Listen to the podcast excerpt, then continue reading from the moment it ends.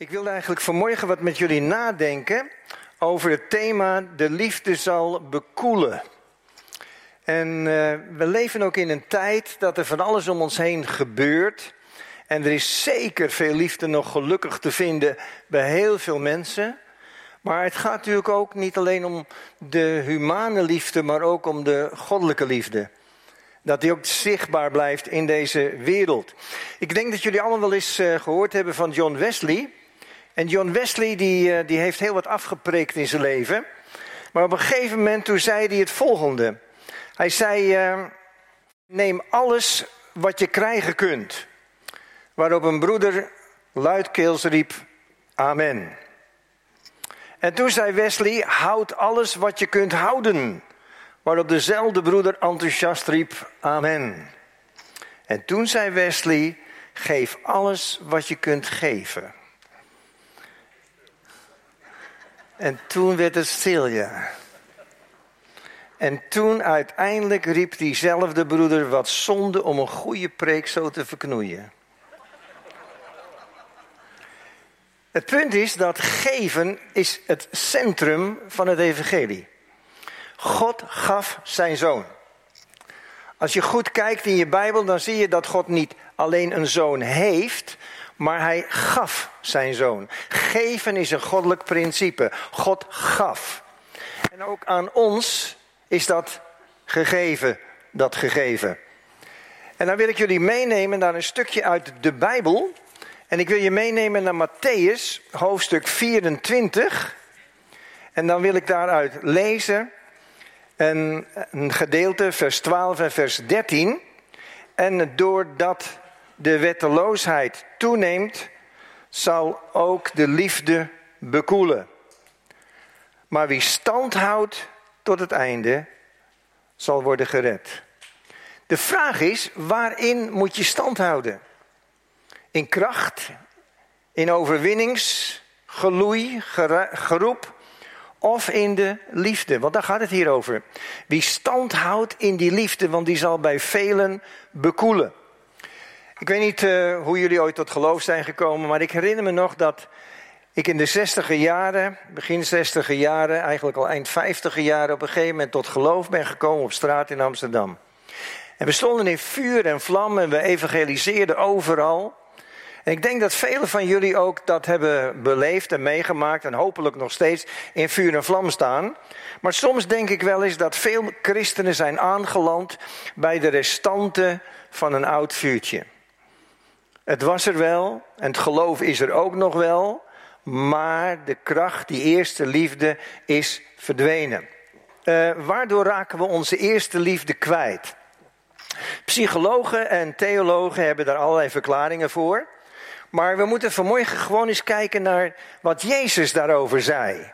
Jezus zei: De liefde raakt bekoeld omdat de wetteloosheid toeneemt. Dat is wat Jezus zei. En hij zei dat natuurlijk niet zomaar. Als je om je heen kijkt, en misschien toen ook al, maar zeker vandaag, als je om je heen kijkt, dan zie je dat in deze wereld de liefde zeker bekoeld raakt. Wetteloosheid neemt toe. Overigens, als je goed let op de woorden van Jezus, dan zou je het ook nog omgekeerd kunnen zeggen. De liefde bekoelt en daardoor neemt de wetteloosheid toe. Dat zou ook nog kunnen. Maar goed, laten we ons houden aan de woorden van Jezus. En die zegt, de wetteloosheid neemt toe, de liefde zal bekoelen. En dan moeten we ons even realiseren waar hij dat zegt. Hij zegt dat namelijk op de Olijfberg als hij uitkijkt over Jeruzalem. En dan zegt hij, dit gaat er gebeuren. Pas op, wetteloosheid neemt toe, liefde zal bekoelen. En Jezus kijkt met tranen in zijn ogen dan naar Jeruzalem en ziet als het ware al het lijden daarin wat over niet alleen Jeruzalem zal komen, maar over de hele wereld. En hij is daarover bewogen. En wat mij opvalt is dat wij in veel kerkelijke gemeenten het lijden hebben afgeschaft. Dat lijden is goed voor een vervolgde kerk, maar het zal ons toch niet overkomen. Wij hebben toch welvaart, wij geloven ook in welvaart, wij geloven ook dat we er recht op hebben op alles wat we bezitten na verloop van tijd. We hebben overal recht op en lijden past niet in ons denken. Want alles is volbracht, alles komt goed, we hebben recht op welvaart en we hebben gebroken met de wet. Wij zijn niet meer onder de wet, maar onder de genade en dat is allemaal waar. Wij zijn zo vrijgemaakt dat we bijna weer wetteloosheid kennen. Want als ik goed om me heen kijk, dan hoor ik zoveel christenen roepen vandaag de dag: wij zijn vrij van de wet. Amen. Maar vrijgemaakt betekent niet wetteloos. Betekent niet automatisch dat je nou weer kan gaan doen waar je zin in hebt. Maar dat je toch zult moeten houden aan dat plan van God. Want wat bedoelde Jezus nou met wetteloosheid in dit verhaal? Want dat is wel even goed. Hij sprak niet over de tien geboden of de tien woorden. Hij had het daar helemaal niet eens over. En daarom wil ik jullie ook nog even meenemen naar Matthäus 22 vanaf vers 3 tot 6. Waar Jezus het verhaal vertelt van een koning die zijn dienaren stuurde in deze wereld om mensen uit te nodigen. Maar die wilde niet komen, staat er. Daarna stuurde hij andere dienaren op pad met de opdracht: zeg tegen de genodigden: Ik heb het feestmaal bereid. Ik heb mijn stieren en het, uh, het slachtvee heb ik geslacht en alles heb ik klaarstaan. Kom dus naar de bruiloft. Maar ze negeerden de uitnodiging. De een ging terug naar zijn akkertje, de ander ging terug naar zijn handeltje. En de overigen namen zijn dienaren gevangen en doden hen. Die overigen moet je even in de gaten houden. De nieuwe regel die Jezus hier brengt is niet: dit zijn mijn geboden. Maar de nieuwe regel die Jezus hier heel simpel neerlegt voor een huidige generatie ook is: kom naar de bruiloft. Kom naar een feest. Ga eens in beweging komen. Het, het gekke is dat als wij horen over verboden en geboden, dat we altijd denken dat dat vervelend is. Maar de psalmist die zegt in Psalm 19, vers 10 en 11: De voorschriften van de Heer zijn waarachtig, rechtvaardig, geheel en al. Ze zijn begeerlijker dan goud, dan fijn goud. En ze zijn in overvloed. En ze zijn ook nog een keer zoeter dan honing. Nou, de voorschriften van de Heer zijn zoeter dan honing. Wat heb je er dan tegen? Waarom moet het allemaal dan terzijde geschoven worden? Want er zijn natuurlijk een heleboel goede voorschriften. Maar toch blijft overeind de wetsverachting of de wetteloosheid neemt toe. Jezus zegt: Kom naar de bruiloft. Kom er gezellig bij. Ik nodig jullie uit. En de vraag is: waarom willen die genodigden dan niet komen naar dat feest? De een ging terug naar zijn akkertje, de ander ging terug naar zijn handel. En als je er goed naar kijkt, dan kan je dat toch niet wetteloos noemen? Nee, het waren eigenlijk best aardige mensen. En waarom waren ze zo aardig? Nou, ze bemoeiden zich nergens mee. Ze gingen gewoon terug naar hun eigen zaakje, hun eigen akkertje, hun eigen handeltje. Nou, dat zijn prettige mensen. Eindelijk is mensen die niet overal commentaar op hebben, die zich nergens mee bemoeien. Dat zijn prettige mensen. Zou je denken. Maar het zijn ook zeer ik-gerichte mensen. Want ze zijn alleen maar bezig met hun eigen akkertje en met hun eigen handeltje. En dat is geen zegen op zich. Want er staat in je Bijbel dat je God lief moet hebben, maar ook je naaste als jezelf. En daar ligt dus een belangrijk punt. Maar als je nou niet naar een bruiloft wil, hè, stel je voor jij wordt uitgenodigd voor een bruiloft, dan hoef je toch niet zo tekeer te gaan. En, en als je niet naar een bruiloft wil, hoef je liefde toch ook niet te bekoelen voor het bruidspaar. Waarom, waarom gebeurt dat dan? En, en, en hoe zit dat dan? Die, die zakenman die gewoon zegt: Ik ga niet. Ik ga naar mijn eigen handeltje. Ik ga me met mijn eigen zaken bemoeien. Is toch niet zo'n ramp? Nee, maar het zit hem in die laatste woorden. De overigen namen zijn dienaren gevangen, mishandelden hen en doodde hen. Waar is dat nou voor nodig? Je wordt uitgenodigd op een bruiloft door een paar aardige dienaren. Ze dwingen je in dit verhaal niet eens. Ze nodigen je alleen maar uit. En waarom moet je ze dan doden? Wat een ellende over een bruiloft maken waar je toch niet heen wil. Wat een situatie. Bovendien, een uitnodiging afslaan betekent toch niet meteen dat je de brengers van de boodschap in elkaar moet rammen? Dat je ze moet doodslaan? Dat blijkt wel uit deze tekst. En weet je waarom Jezus dit nou zegt? Hij wil eigenlijk laten zien, het begint met weigeren, vriendelijk nee zeggen. En het eindigt in, nou moet je eindelijk je kop eens dicht houden. En je gaat steeds gemeenere woorden gebruiken. En je gaat na verloop van tijd zeggen: Ja, maar ik zie dat heel anders. En als je nou je kop niet houdt, dan sla ik je in elkaar. Herken je dat een beetje van deze tijd? Wie vuil is, wordt vuiler. Maar de andere kant zou ook moeten zijn: wie rein is, wordt reiner. Veel mensen beginnen met een onverschillige houding. Het zal mijn tijd wel uitduren. Wat kan mij het allemaal schelen? Ja, jullie hebben ook een verhaal als christenen, maar toch, ach, ik heb daar niet zoveel mee. Het verhaal begint dus eigenlijk met, ach, we hebben geen zin, we gaan terug naar ons eigen handeltje, het is wel mooi zo. Maar het eindigt met gemeenheid, met doden, met in elkaar slaan. Hebben jullie wel eens gemerkt dat toen je Jezus had aangenomen, dat je toen ook vrucht wilde voortbrengen door die aanname? Dat je anders wilde gaan leven? Dat je niet alleen maar zei van, nou, ik heb Jezus leren kennen, ik heb Jezus aangenomen, amen. En verder rotzooi ik maar een end aan en doe ik altijd wat ik altijd al gedaan heb. Nee, want als je Jezus hebt aangenomen, dan ga je ook een ander leven leiden. Dat lijkt me heel normaal. Je wil een volgeling worden van Jezus, je wil op Hem gaan lijken. Je kunt niet zeggen van nou, ik zal Jezus wel aannemen en dan ben ik gered voor eeuwig en dan verder leef ik mijn oude leven maar weer verder. Dat is onzin, dan kan je net zo goed Hindoestaan worden. Het Hindoe geloof aanhangen. Dan neem je God erbij en Jezus erbij. Eén God meer of minder maakt niet uit. Dus het is wel belangrijk dat we ook veranderen. Want als je echt de boodschap van Jezus hebt aangenomen, dan word je een ander mens. Maar als je hem steeds afwijst, word je ook steeds harder. Je verhardt je hart. Het is knielen of vloeken. Andere mogelijkheid is er niet. Ik heb wel ook gedacht de laatste jaren. Een prediking die niemand meer raakt en niemand meer prikkelt. Wat heeft die nog voor zin? Als we alleen maar zeggen wat mensen willen horen, waar zijn we dan mee bezig?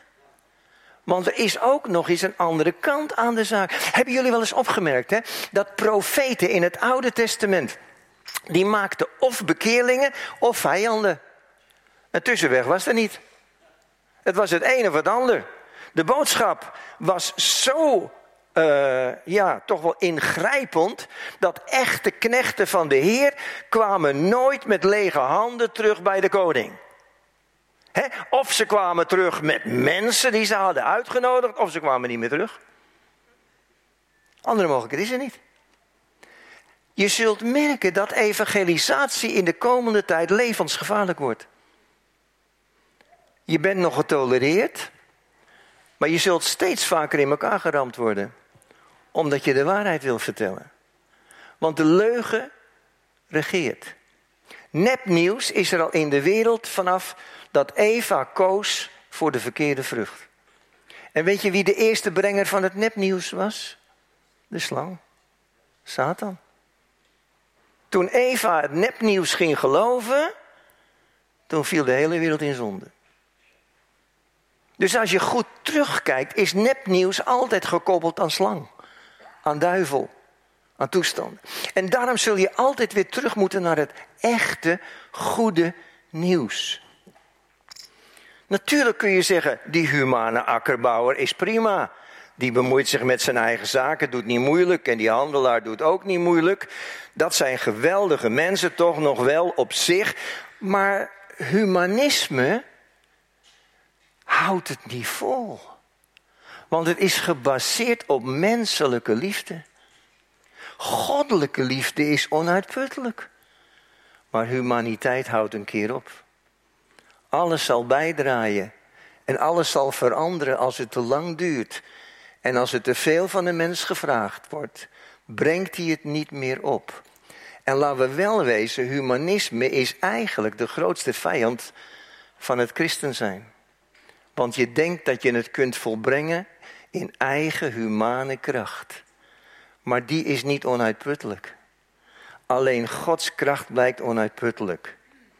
Dus die akkerbouwer en die uh, handelaar, dat zijn mensen die wel zich met hun eigen zaken bemoeien, maar die overige, die groep wordt steeds groter.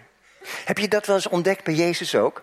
Bij Jezus had je al die mensen, weet je wel, tot ze uiteindelijk allemaal riepen: Hosanna, de koning komt.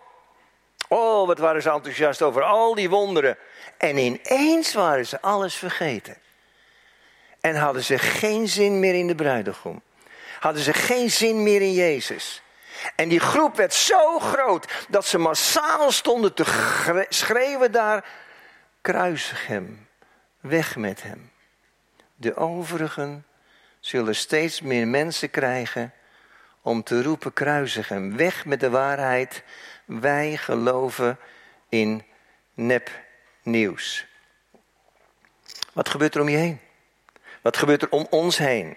Het onrecht neemt toe. We kunnen de kracht niet meer opbrengen om er tegen te strijden. We worden er steeds moeier van. De omvang kunnen we ook niet meer bevatten.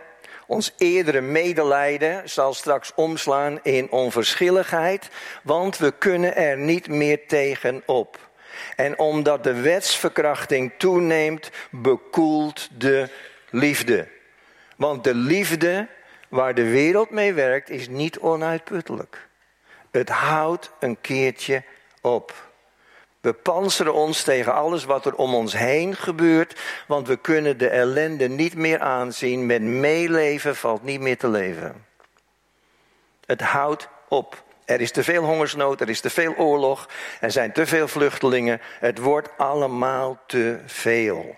En omdat het te veel is, raakt die liefde ook bekoeld. Hebben jullie al meegekregen dat onze huidige filosofen, die helpen ons op een bepaalde manier. Ze hebben eerst geroepen, jullie moeten eindelijk eens volwassen worden. En toen we volwassen wilden worden, toen hebben ze nu vastgesteld dat volwassenheid vandaag is niets anders dan menselijke machteloosheid. Dus wanneer ben je in deze generatie volwassen? Als je machteloos bent geworden. We zien het niet meer zitten, we kunnen er niet meer tegenop. En medelijden, dat verandert alleen maar in verachting. Daar had je maar niet in zo'n land moeten gaan wonen. Daar had je daar maar niet moeten zitten. Dat is de tijd waarin we leven. En weet je wat nou het mooie nieuws is? Er is hoop. Er is een heleboel hoop. Want het is niet allemaal uitzichtloos hoor. Nee, zeker niet. En die hoop zit hem in één zinnetje wat ik met jullie heb gelezen. Heb je dat zinnetje goed gelezen?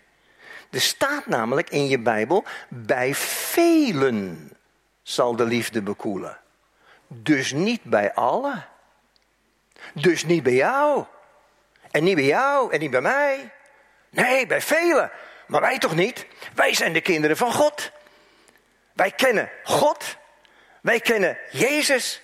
Wij kennen de liefde van God door Jezus. We hebben een andere bron ontdekt. Dus waarbij velen de liefde zal bekoelen, willen wij niet horen. Want wij zijn Gods volk. Wij zijn degene die gekozen hebben om met hem te wandelen. Wij zijn die heiligen, weet je nog, waarover de Bijbel spreekt. Wij zijn toch die mensen die door die enge poort zijn gegaan en die willen wandelen op die smalle weg. Dat zijn wij toch? Wij hebben daarvoor gekozen. En die enge poort die spreekt van redding en wedergeboorte. En die smalle weg die spreekt van een volgen van Jezus in een nieuw leven. En Jezus zegt, ik plaats poort en weg naast elkaar. Als je vrijwillig door de poort gaat, kom je automatisch terecht op die smalle weg. Laatste sprak ik met iemand En een heel gesprek. En, na verloop van tijd dacht ik, nou, je wandelt wel op de smalle weg, maar volgens mij is het wel het fietspad langs de brede weg. Je gaat wel dezelfde kant op. Iemand zei een keer tegen mij: Kees, ik ben de duivel nog nooit tegengekomen. Ja, dat komt omdat je dezelfde kant op loopt. Maar als je de andere kant nou eens op ging, zou je hem tegenkomen. Want de duisternis zul je zeker tegenkomen als je het licht de rug toekeert. Poort en weg. En weet je wat zo mooi is? Die smalle weg is in diepste zin, Jesaja 35, de heilige weg. En wat is zo mooi van die heilige weg? Nou, zegt Jezaja, daarop wandelen geen dwazen en idioten en leeuwen. Nou, alleen daarom al wil je erop wandelen. Dat je hoef ik niet mee tegen te komen. Nee, want wie wandelde op de, op de heilige weg? Heb je dat wel eens gelezen? Dat zijn de verlosten. En die, en die volgen Jezus. En die hebben geen last van leeuwen en meloten en alles wat er rondloopt. Want die gaan achter hem aan. Ik, ik heb... Uh, ik heb in mijn leven ook fouten gemaakt, uiteraard. En een van de grootste fouten die ik heb gemaakt is dat ik altijd zei: Heer, ik ga dat doen, ik ga dat doen, wilt u het zegenen? En dan vang je toch een klappen op. Oh, stom. Stom. Je moet niet voorop lopen. Je moet achter hem aangaan. Hij loopt voorop, hij vangt de klappen op. En jij hoeft alleen maar te wandelen in zijn schaduw en je ogen gericht te houden op hem. En dan steeds weer vast te stellen, als ik mijn ogen gericht houd op Hem, dan volgen de wonderen Hem na en dan komen ze ook door mij heen en volgen ze mij na. Wat mooi eigenlijk. Dus ik wil, ik wil wel wandelen op die heilige weg. Alleen, als bij velen de liefde zal bekoelen, dan wil ik niet bij die velen horen, maar dan wil ik bij die anderen behoren, want ik wil blijven volharden. En wie volhardt in die liefde, die zal stand houden. Die zal kunnen doorgaan. En, en dan, dan rijst eigenlijk nog wel even de vraag: hoe kom ik nou elke dag weer bij die liefde? Je Bijbel zegt dat zo blijven dan, hè, ken je nog 1 Korinthe 13 vers 13, zo blijven dan geloof, hoop en liefde. Dus God is liefde. En geloof en hoop zijn de middelen om bij die liefde te komen. En geloof is een zaak van je hart, weet je nog? In Romeinen 10, daar staat het zo mooi, hè, met het hart gelooft men. En hoop is een zaak van je denken, de helm van de hoop. Dus die heb je op je hoofd als het goed is. Dus je denken. Dus hoop en geloof zijn de middelen om bij die liefde te komen. En elke dag weer hoop ik op Hem en geloof ik in Hem. En, en, en hoe groeit je geloof en je hoop dan? Nou, staat er ook in Romeinen 10. Met je mond beleid je, met je hart geloof je. En als je met je mond beleidt wat het woord zegt, dan groeit er geloof in je hart en hoop in je denken. Dat weten jullie toch nog wel? Dat is gewoon het principe van de basisschool, van de lagere school. Waar we klassikaal al die uh, tafels zaten op te dreunen van 1 tot en met 12. Je hebt toch ook wel meegedaan, of niet? Ik wel. Ja, ik wel. Ik heb ook mee zitten dreunen. De juffrouw zei van, nou, doe mee allemaal. Klassikaal gaan we beleiden. 1 keer 5 is 5, 2 keer 5 is 10, 3 keer 5 is 15. En weet je nog wat het voordeel daarvan was? Dat als ze je s'nachts wakker maakte en ze zeiden, hoeveel is 3 keer 5? Dat je automatisch 15 zei en gewoon doorsliep. Je was één geworden met je beleidenis. Dat is toch mooi? Ze heb jij toch ook? Ik heb het wel eens gezegd. Stel eens voor dat ik s'nachts om twee uur bij je binnenkom. Je ligt lekker in je bed. Ik schud je wakker. En ik zeg, de Heer is mijn herder. Wat zeg jij dan? Kijk, hij is bekeerd, hoor je dat?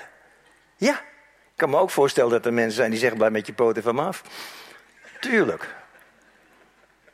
Ja, waarom niet? Er zijn ook mensen die halleluja roepen, misschien doorslapen. Weet ik ook niet.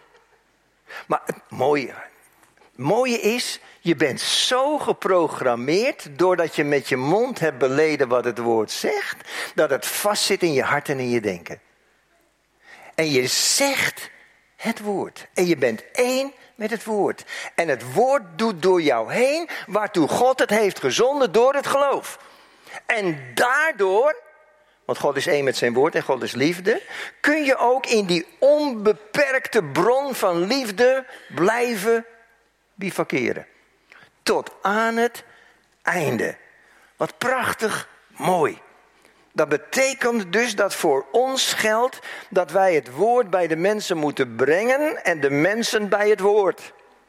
En dat ze één met dat woord moeten zijn, want dat woord is de waarheid en geen nepnieuws. Want wie vastzit aan de boom des levens heeft helemaal geen belangstelling meer voor die boom van kennis van goed en kwaad die over ons heen wordt gestort in enorme hoeveelheden. Want ik wil weten wat het woord zegt. En het woord spreekt de waarheid. Tot slot, tegen jullie allemaal hier en thuis.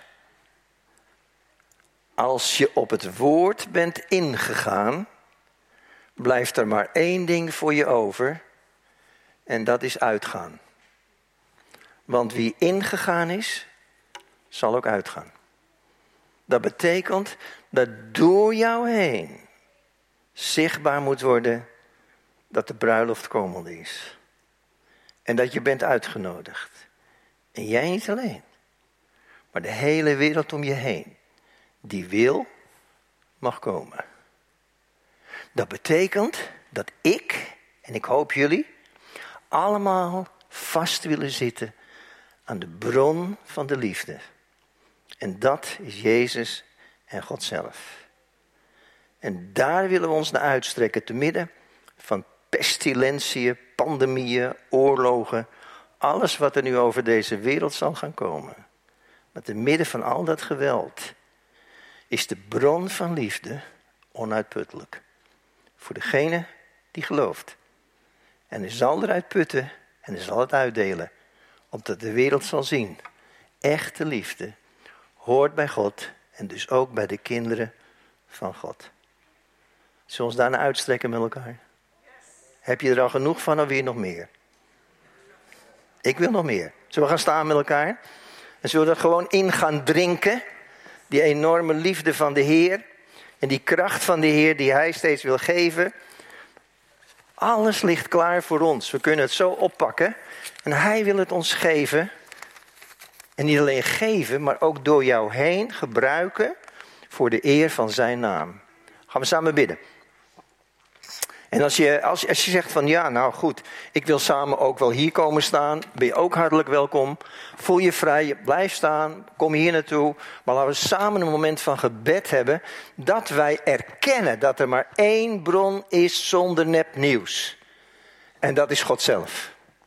En zijn zoon Jezus Christus en dus het woord van God. En als we dat met elkaar beleiden durven, dan zullen we ook staan in die zekerheid die bron is onuitputtelijk. Wat mooi. Laten we dat samen maar gaan beleiden naar God toe. Ik ga voor jullie bidden en doe gewoon wat je verder in je hart hebt om te bidden. En voel je vrij om tot God te naderen, want dan nadert Hij tot jou. Vader, dank u wel dat u hier bent vanmorgen. Dat u hier bent, dat u thuis bent, bij de mensen die meeluisteren. Heer, dat u bent daar waar uw naam wordt aangeroepen. En we hebben uw naam aangeroepen vanmorgen. We hebben geproclameerd dat u goed bent. We hebben geproclameerd dat u liefde bent. We hebben geproclameerd dat we van u houden. En als we echt van u houden, dan doen we wat u zegt. En houden we ons aan het nieuws wat u hebt gebracht in deze wereld. Hoe goed is dat?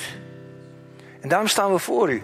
Ik bid, Heer, dat we zo op dit moment gevuld worden met Gods liefde, met Zijn geest, met Zijn kracht, met Zijn overwinning, met Zijn allesomvattende grootheid.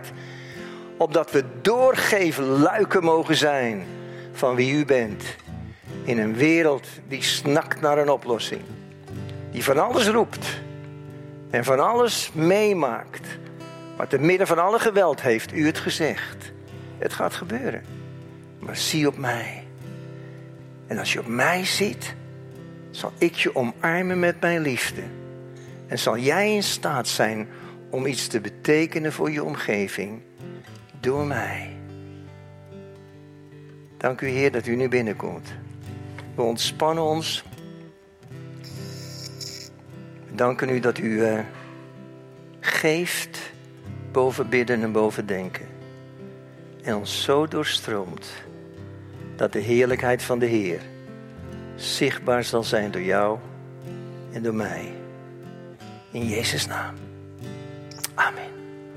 Amen.